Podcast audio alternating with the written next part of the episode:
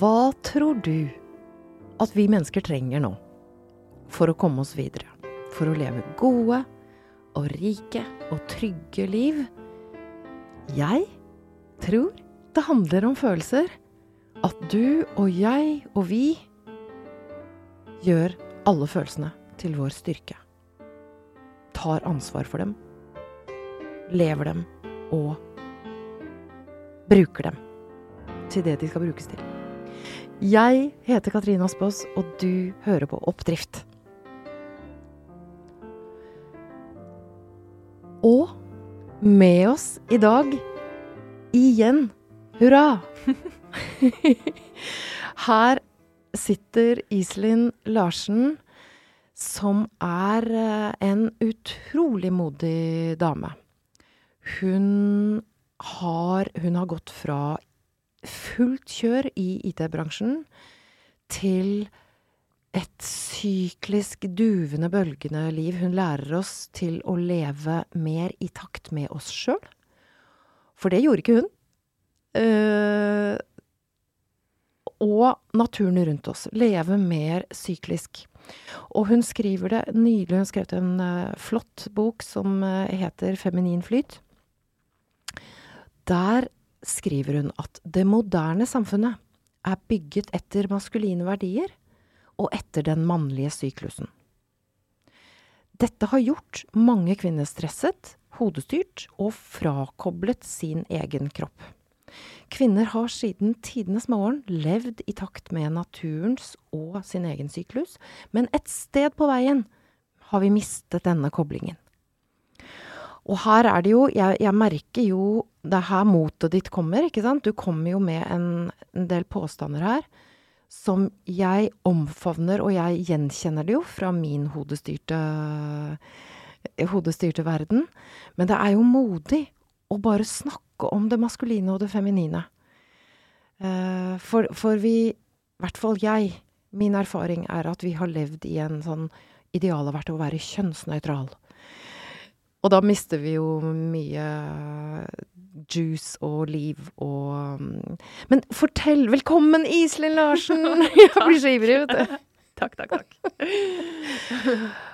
Hva er det som um, hva, hva er det som gjør at vi har mistet koblingen? Det er jo det moderne livet.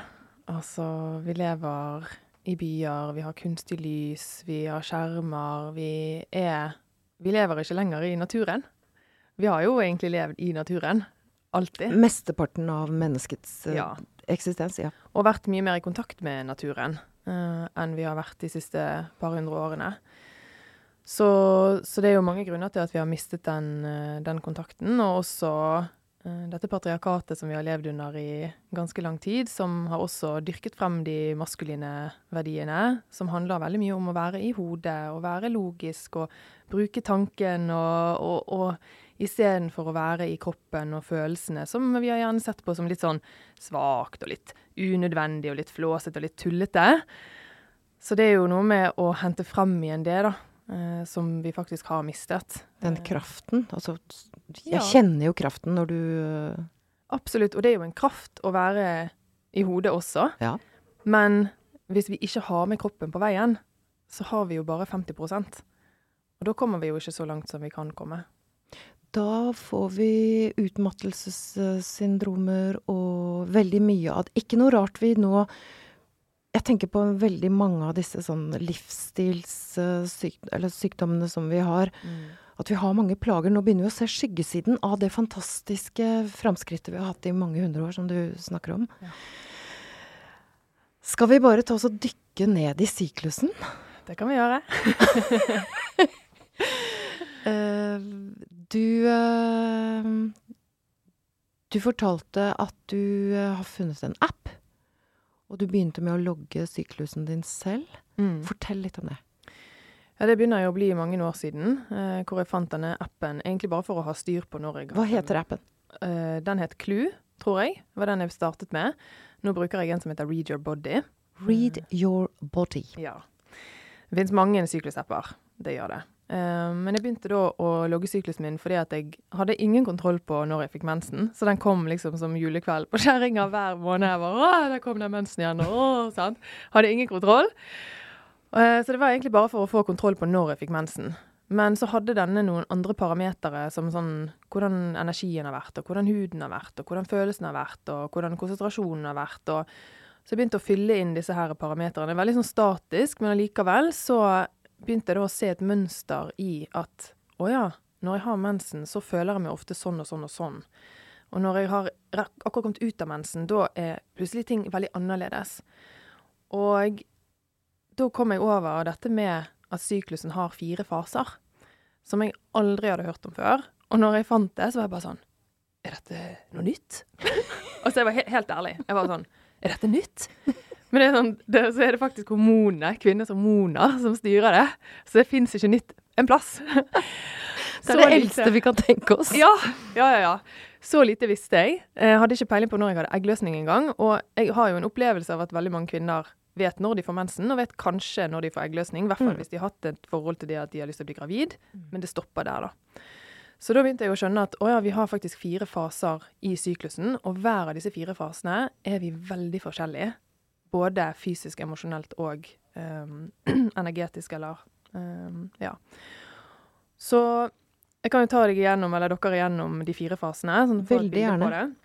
Jeg gjenkjenner eh, det du sier. Og ja. jeg er så utro... Igjen, jeg benytter anledningen til å hylle dere unge damer som begynner å forske ja. og finne ut. Takk.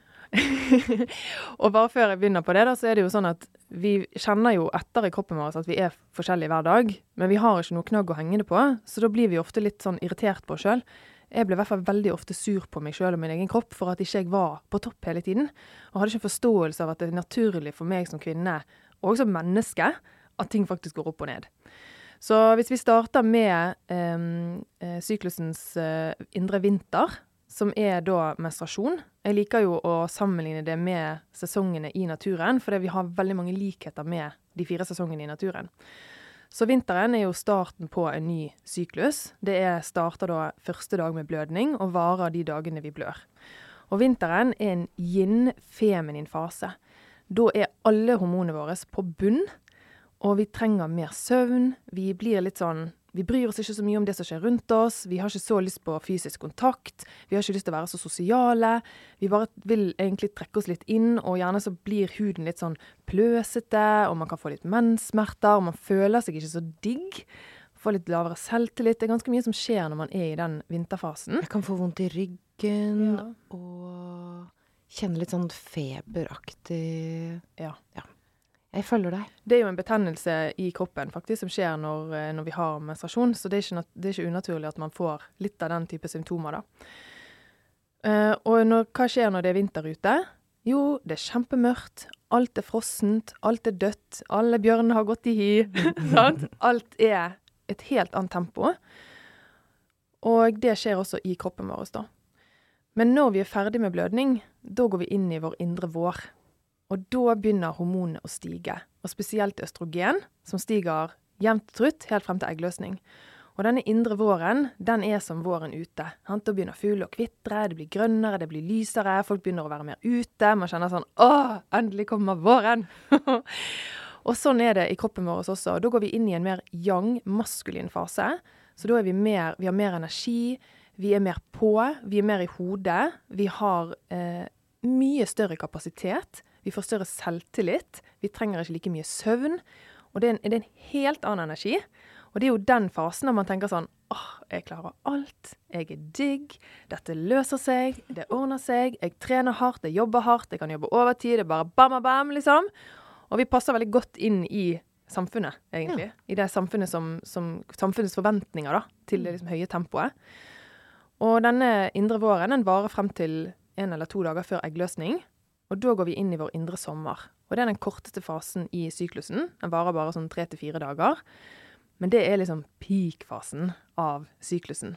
Da er vi fremdeles i en young, maskulin fase, men vi har også fått inn noe av det feminine, da. Og når vi er i eggløsningen, da er vi jo fertile. Og da skal vi jo tiltrekke oss en make for at vi skal kunne reprodusere oss, og naturen har jo gjort oss faktisk ekstra digg. Vi kan få større bryster, vi får mer glød i huden, vi har masse selvtillit. Vi er empatiske, vi er liksom i flyt. Det er bare sånn utrolig deilig stemning. Og på sommeren ute så er vi det, sant. Vi er oppe lenge, det er seine kvelder, vi er bare sånn Å, vi har ferie, vi bare mm, liksom, Vi bare elsker livet. Det er sånn at jeg kjenner grill... eh, er Ja, sånn- ja, ja. og um, så når man er i denne her fasen, så kan man ta de, liksom, de, de hardeste treningsøktene, de vanskeligste møtene. Men vi har også mye lettere for å få ja, fordi vi er faktisk mer magnetiske. Så hvis du skal pitche ideen din til en investor, hvis du skal ha et vanskelig møte, hvis du skal be om høyere lønn, hvis du skal på et jobbintervju, hvis du skal på en date Hvis du legger det rundt eggløsning, så har du faktisk større sjanse for å lykkes. Og jeg tenker sånn Hvorfor vet vi ikke dette? Hvorfor er det ingen som snakker om dette? Dette er jo eh, Dette er jo farlig, potensielt farlig. Ikke sant? Jeg tenker at det går an å være litt rampete og, Ja. og utnytte det, faktisk. Det tror jeg. Og i hvert fall å være klar over det. Det er jo Ja. Det er kjempegøy. Ah, okay.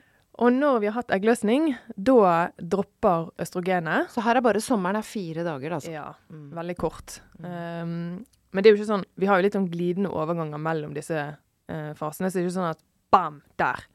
Det er litt glidende overganger, da. Men når eggløsningen er ferdig, og når egget har løsnet, da eh, dropper østrogenet, og så stiger et hormon som heter progesteron, og da går vi inn i vår indre høst. Og da har vi vært i to faser, som er vår og sommer, som har vært yang og maskuline, ekspansive, utadvendte, energirike. Og så går vi da inn i yin, det feminine, det mørke, det rogivende. Og dette progesteronet, det er det som gjør at vi går inn i den fasen. Det er hormonene som styrer dette. her. Det er ikke sånn at jeg har funnet på dette, eller at det er noe sånn New Age-greier. Det faktisk er bare sånn det er. Og da går vi inn i høsten. Hormonelt. Yes. Så det er biokjem biokjemi. Ikke sant? Og når vi går inn i høsten, da er det jo som når høsten kommer i naturen. Da sant, Bladene faller fra trærne, det blir litt kaldere, litt krispere, det begynner å sakte bli mørkere. Vi har lyst til å liksom sitte inne og drikke te foran peisen og lese bok og pledd og mm, sant, ta på oss luene og bare åh. Og den stemningen skjer også i kroppen. Så vi får mindre energi. Vi blir um, Altså, vi trenger mer søvn, vi, vi trenger mer mat, vi blir mer sultne. Og vi trekker oss litt mer innover, men vi får også mye sterkere kontakt med det kreative, det intuitive, de feminine styrkene våre. Så det er ikke bare negativt. eh, Det er faktisk veldig mye positivt der også. Det er også viktig å få frem, for vi har jo veldig mye fokus på det negative rundt syklusen. Det skal jeg love deg. Mm. Men det er så mye positivt i syklusen. Det er mye mer positivt enn det er negativt. Nei, så deilig. Fortell mer. Ja. Og, eh, eh, men det er også nå her i høsten vi får gjerne PMS, ikke sant? Men det som er utfordringen til kvinner, er jo det at vi lever jo livene våre som at det var sommer hele året. Vi klarer ikke og evner ikke å roe ned og ta de pausene og slappe litt mer av i høsten og vinteren.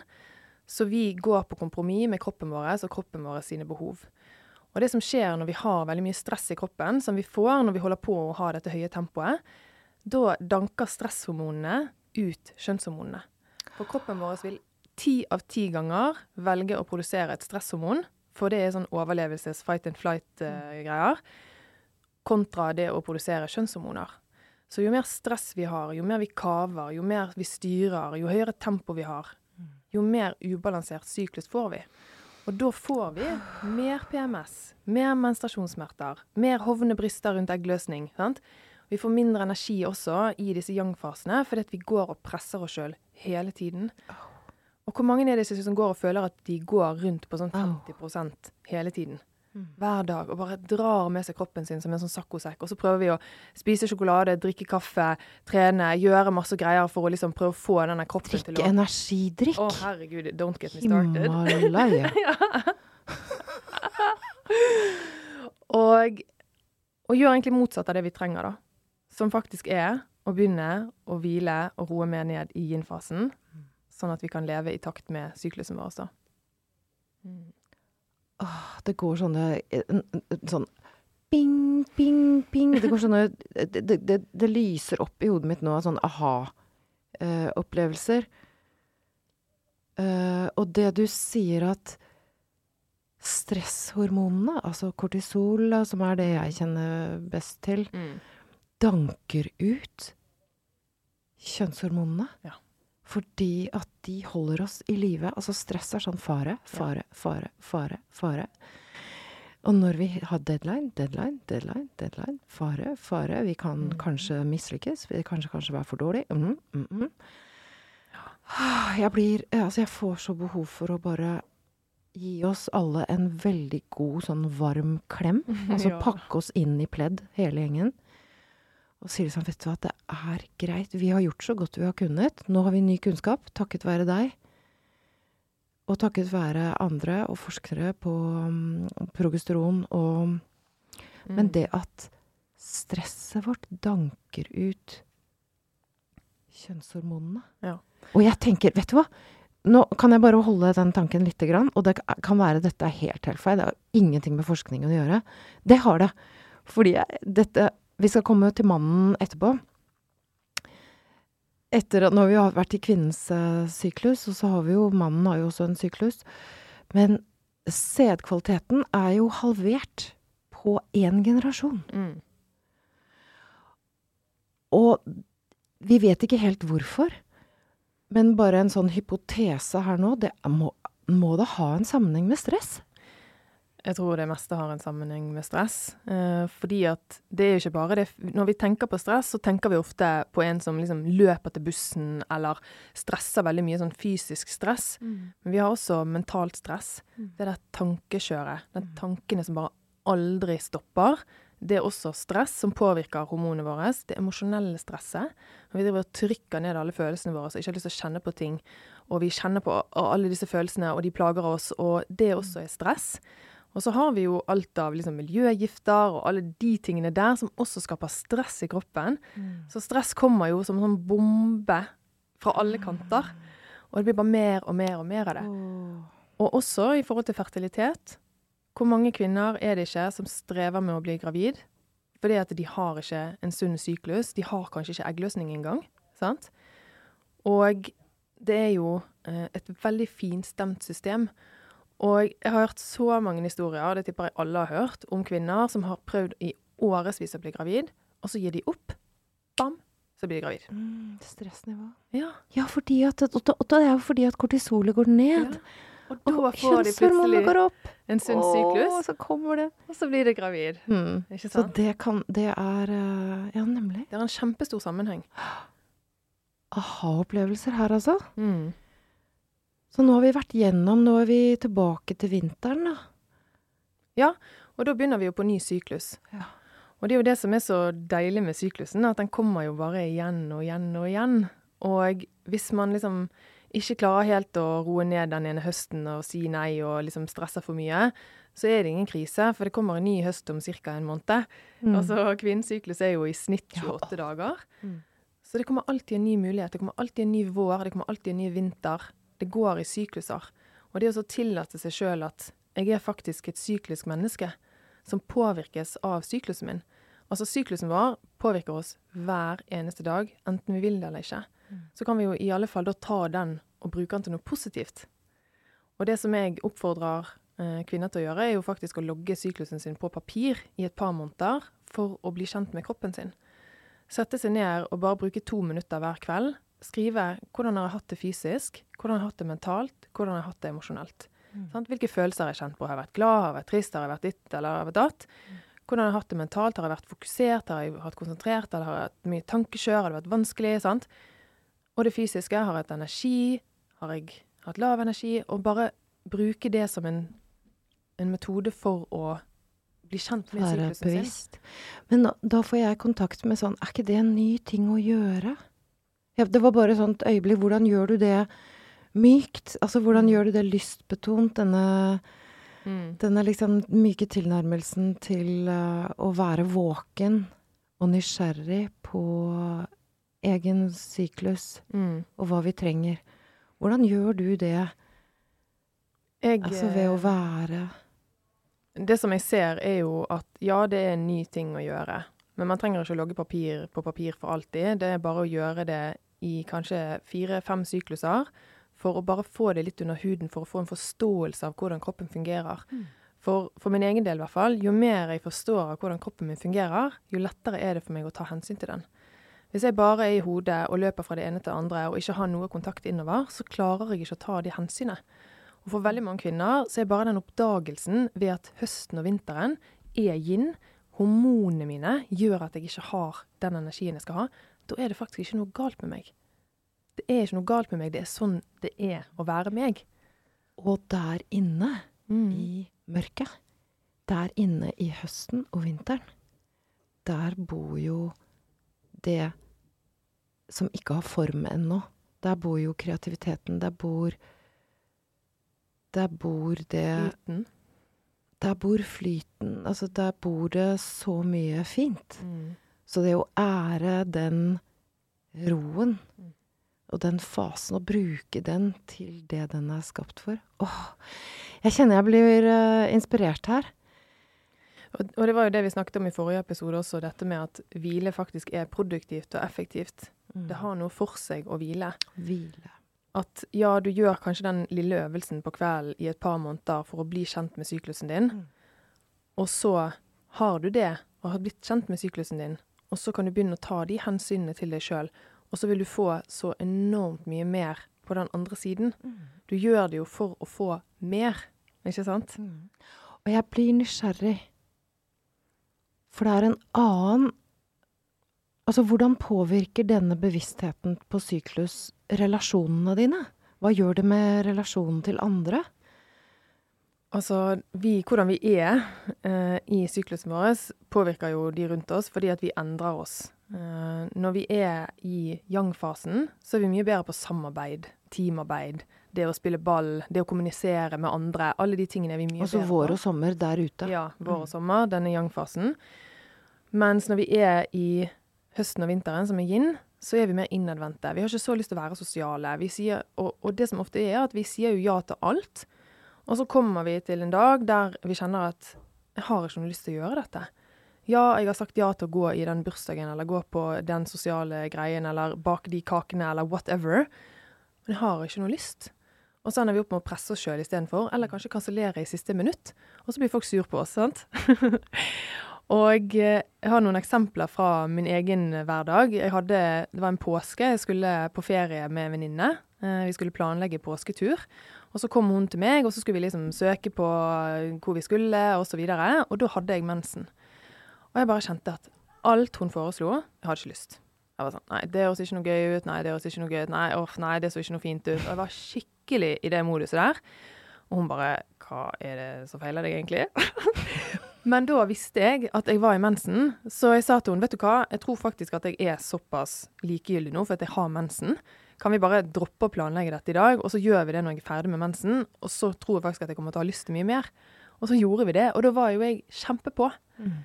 Og en annet eksempel er eh, samboeren min, som sa til meg at jeg merker når du har mensen, fordi at da responderer ikke du like godt på min fysiske kontakt. Og det kan man jo ta som en direkte avvisning. avvisning. ja. Men istedenfor å ha den bevisstheten at det er faktisk ikke sånn at jeg ikke er interessert i deg eller ikke vil ha deg, men jeg har mensen, og det skjer noe med hormonene mine, så jeg har ikke det samme behovet. Men jeg elsker deg like høyt allikevel. Ja. Ikke sant? Så det spiller en kjempestor rolle. Å være nysgjerrig på hverandres syklus, ja. Og, Mm. og ikke ha Å komme ut av den der ha, Har du mensen, eller?' Å, herregud. Men også ære å komme inn i det Hva skal jeg si Den, den hedrede feminine og hedrede maskuline syklusen. Nå kommer vi litt inn på det. Kan vi gå dit nå? Mm. Mm, hva med mannen? Så nå har jo vi etablert at kvinnen Vi er måne... Vi er styrt etter månen. Mm. Altså mørket. Månen lyser jo opp i mørket. Men hva med mannen? Ja, det er helt riktig som du sier at vi eh, Kvinnens syklus er jo 28 dager eh, i snitt, da. Den kan, være, den kan være 25 og 35, men i snitt 28. Og månens syklus er jo 29,5 dag. Så vi tror jo at når vi levde mer i takt med naturen, og før vi ble moderniserte, så blødde kvinner i takt med månen. Og Derfor kan også kvinner som ikke blør, enten de er i overgangsalderen eller er gravid eller går på prevensjon som gjør at de ikke blør, faktisk følge månens syklus og leve de samme prinsippene. Så det er utrolig kult. Men så er jo det maskuline er jo solen, sant? Og solen har jo en 24 timers syklus, og det samme har menns hormoner. Jeg er ikke veldig god på uh, menns og jeg jobber egentlig ikke hormonelt heller, jeg jobber jo mer livsstilsmessig. Men de har uh, Sine kjønnshormoner er styrt av solen. Så når solen står opp, så kommer energien, og når solen går ned, så daler energien. Det betyr ikke at de føler seg lik hver dag, men hormonene har den samme 24-timerssyklusen, mens vi bruker 28 dager på å gå gjennom den samme syklusen. Det er ganske stor forskjell. Det er ganske stor forskjell. Og hvis vi da tenker på hvordan vi har bygget samfunnet vårt, med denne kjønnsnøytrale biten om at vi alle skal være like, det henger ikke på greip en plass. Det henger virkelig ikke på greip en eneste plass. Det blir fullstendig krasj. Så bra at vi oppdager det her nå. Så slipper vi å gå rundt og surre og røre. Dette her er jo radikalt annerledes og spennende. Så mannen har da 24 timer. Det betyr at han er veldig klar og fornøyd om morgenen, og så sovner han foran TV om kvelden. Ja. For det har jeg mange venninner som blir sånn han sitter liksom og sover foran TV. Det er ikke så innmari uh, sexy eller tiltrekkende. Men det var jo alltid mannen, eller faren, kom jo alltid hjem fra jobb i, før i tiden og tok middagslur. sant? Ja. Det er jo et eller annet der som Ja, jeg vet ikke om det handler om syklusen, men det er noe å tenke over, da. Men det å hedre også den, uh, den måten å være på Mm. Hva Altså, kjenner du noen Er det noen eksempler på noen som har begynt å styre etter syklus? Kjenner du noen øh, Leste jeg om det amerikanske kvinnelandslaget i fotball eller noe sånt? Ja, eh, toppidrettsutøvere har jo begynt å skjønne nå at eh, syklusen påvirker oss så mye. Eh, at eh, ja, det amerikanske fotballandslaget eh, tok jo gull for noen år siden, og de har, la jo da opp treningen sin etter syklusen. Og da handler det jo om å trene mer når kroppen er klar for trening, og faktisk hvile mer. Sant? Og det er jo ofte det som er clouet her. At man faktisk må ja, Mm. restituere og hvile. Og vi har jo også Tiril Eckhoff, som er norsk skiskytter, som hadde en kjempegullsesong etter at hun la opp sin eh, trening etter syklusen.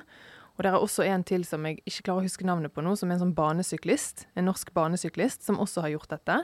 Og vi ser at flere og flere begynner å, å ta hensyn til syklusen. Og det også, gjøres også et forskningsprosjekt nå uh, et- i Trondheim, på et eller annet universitet. Jeg er jo så utrolig dårlig på å huske sånne navn. Uh, men de også forsker på dette i forhold til hvordan syklusen påvirker kvinner, og ut av. når de burde trene for å prestere bedre. Og vi trenger ikke være toppidrettsutøvere for å forstå disse prinsippene. For det å leve på denne jorden i dag føles jo nesten litt som toppidrett. Det er ikke noe lett. Så, så vi kan jo ta disse prinsippene med oss inn i arbeidslivet, inn i alt det vi gjør. Det kan vi. Og i Spania har de jo faktisk begynt med eh, at kvinner kan ta sykedager når de får mensen. Eh, de må jobbe det inn igjen på et senere tidspunkt, men det er faktisk lovpålagt nå at det kan kvinner få. Og det syns jeg er helt rått. Og da tenker jeg sånn, hvor er, hvor, hvorfor ikke er vi der i Norge? Nei, det er jo i hvert fall veldig interessant, altså. Mm. Hmm. Hva Altså, jeg er sånn interessert i Hva er det vi mister? Det har vi jo egentlig vært innom, men hva er det vi mister ved å ignorere kroppen og bare dure på? Vi mister jo veldig, veldig mye. Uh, og det er jo da vi er tilbake igjen til dette med det feminine og det maskuline, egentlig. For når man bare durer på, så er man bare i det maskuline. Og der er det masse, masse gull. Utrolig mye kult. Jeg har jo elsker mine maskuline egenskaper og mitt maskuline, eh, og bruker det masse. Men uten kontakt med det feminine. Gjøre. Ja, det er gjøre. Det å være på, det å være ekspansiv, det å ha fokuset fremover, være logisk. Mm. Hele den Mål. Mål, Plan, Ja, ja, konkurranse, ja. eh, måloppnåelse. Mm, Ja. mhm, Og det Deilig. maskuline er jo lineært, så det går gjerne litt oppover hele tiden, men hele tiden fremover. Mm. Mens det feminine er jo det sykliske, det som går rundt og rundt. Og der har vi den stillheten, det å være, det kreative, det nærende, og alt det som er mykt, da. Og jeg tenker at hvis vi bare har det maskuline, så går vi glipp av enormt mye. Både som samfunn, på arbeidsplasser, som en leder, altså i, i alle arenaer i livet, men også hvordan vi behandler oss sjøl. For jeg, i mitt maskuline, var også veldig streng mot meg sjøl. Veldig hard mot meg sjøl. Hadde veldig høye forventninger og, og presset meg sjøl og pushet meg sjøl. Og har alltid sagt at jeg ikke er kreativ. Å ja. Jeg er ikke kreativ. Akkurat. Jeg har ikke noe kreativitet. Men det var jo fordi at jeg var jo aldri stille nok til å få kontakt med kreativiteten min. Ikke sant? Det er nydelig. Ja. For det kreativitet kommer jo eh, fra stillhet. Og det er, det er også forskningen viser det. Nå jeg, nå, nå, jeg har jo hatt en annen veldig god gjest her uh, som heter Hilde Østby. Mm. Og Hilde Østby hun, hun skriver om kreativitet, og at er, den bor i kjedsomheten. Ja. Når vi kjeder oss, sitter på den benken og ser ut i lufta, Mm. da begynner hjernen å Eller da bobler det opp Ja. noe kreativt. Da begynner hjernen å jobbe Ja. og finne løsninger og leke seg, da. Danse og hoppe. Og vi kan jo kanskje føle oss kreative hvis vi blir inspirert. Sant? Hvis vi hører på noen eller eh, lytter til et eller annet eller tar inn noe nytt, så kan man føle seg kreativ fordi man blir inspirert, men det kommer fra hodet. ikke sant? Så det å få kontakt og tilgang til den indre kreativiteten. Og så er det jo noe med denne her intuisjonen og magefølelsen. sant?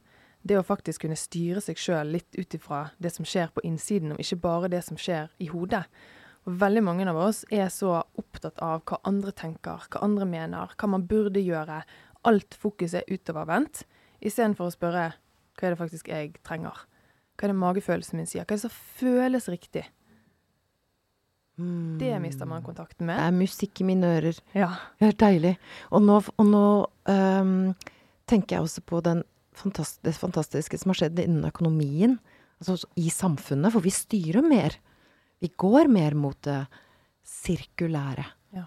Så begrepet sirkulærøkonomi har jo bare i løpet av de siste to årene eh, blitt et altså førende styringsprinsipp Mm.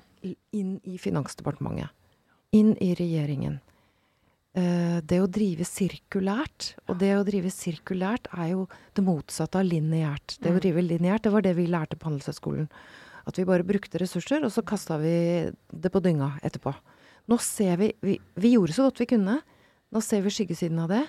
Så nå lager vi oss systemer som gjenbruker, som utvinner eh, Vi har alt kobberet vi trenger i verden. Trenger ikke kobbergruver. Mm. Vi bare tar vare på de kobbertrådene som er der fra før. Mm. Altså eksempelvis. Jeg Ja. Men det, det betyr bare at Men dette er superrelevant, og det er jo Jeg snakker jo om dette feminine skiftet. Som, for vi skal ut av det maskuline paradigmet og inn i et mer feminint skifte. Og det handler ikke om at eh, kvinner skal ta over, eller at vi bare skal være det feminine. Det handler om at alle arenaer i livet trenger mer av de feminine energiene. Akkurat sånn som du snakker om med den sirkulære økonomien. For det er jo ikke til å stikke under en stol at vi har kjørt moder jord på ræv.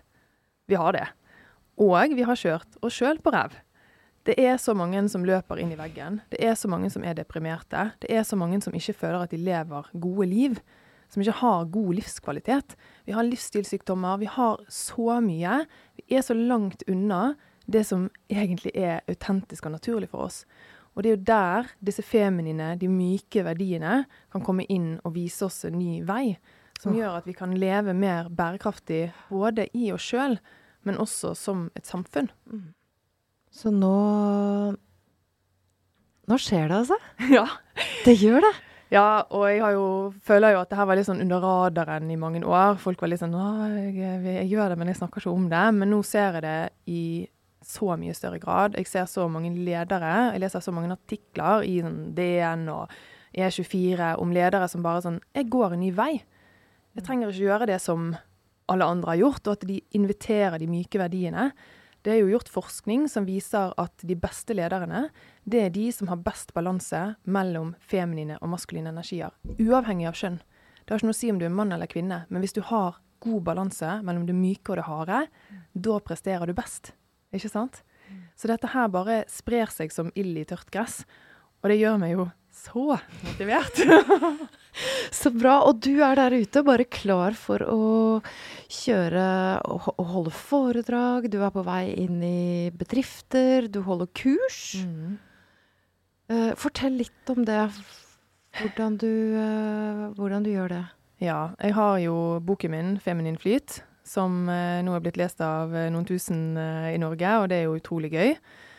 Og så har jeg online-kurs hvor jeg lærer primært kvinner å lede seg sjøl på en mer feminin måte. Tre inn i det feminine lederskapet.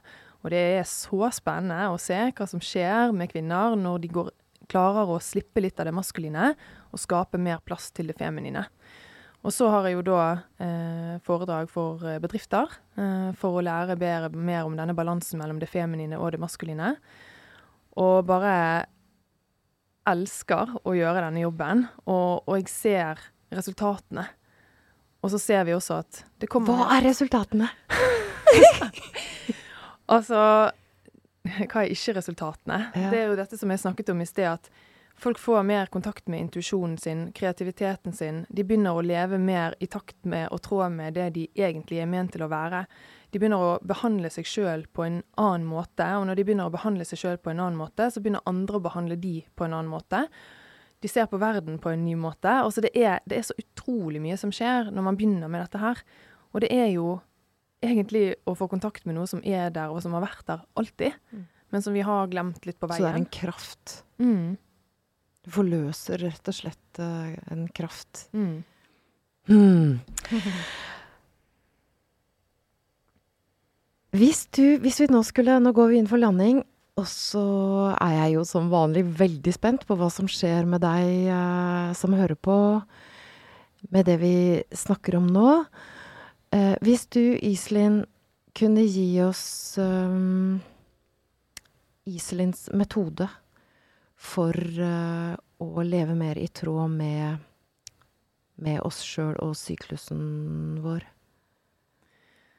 Altså, alle kvinner må begynne å logge syklusen sin, OK. faktisk. Uh, og det du OK, mamma. Ja.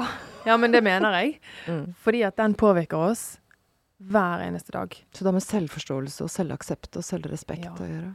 Og hvis vi får kontakt med syklusen vår, så begynner vi å forstå kroppen vår. Vi begynner å få tilgang til det feminine. Vi begynner å, å skjønne hva er det jeg trenger, hvem er det jeg er, hva er behov for, hva er viktig for meg. Og det høres jo veldig stort ut, ut av noe så lite, men faktum er at de aller fleste lever livet sitt i hodet og bare løper. Og løper og løper og løper. ikke sant? Og så løper veldig mange i feil retning i forhold til det som de egentlig ønsker. Så det å begynne å logge syklusen sin, begynne å forstå når er jeg i høsten, ja, når er jeg i høsten, når er jeg i vinteren, hva kan jeg gjøre for å roe litt mer ned, for å skape en, en mer bærekraftig livsstil Mm. for seg sjøl, og få kontakt med de sidene av seg sjøl som man kanskje aldri har hatt kontakt med. Det gir jo et rikere Mm. liv. Ja.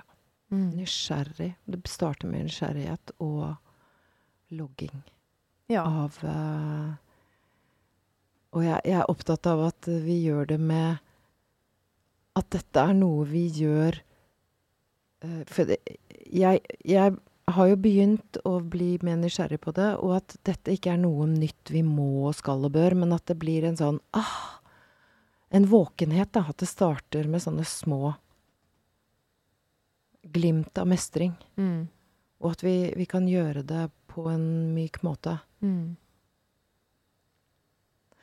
Tusen takk, Iselin Larsen, for at du har vært her i to episoder og gitt av din visdom og din store kunnskap om hvordan menneskekroppen og mm, kvinner særlig, altså feminin flyt Mm.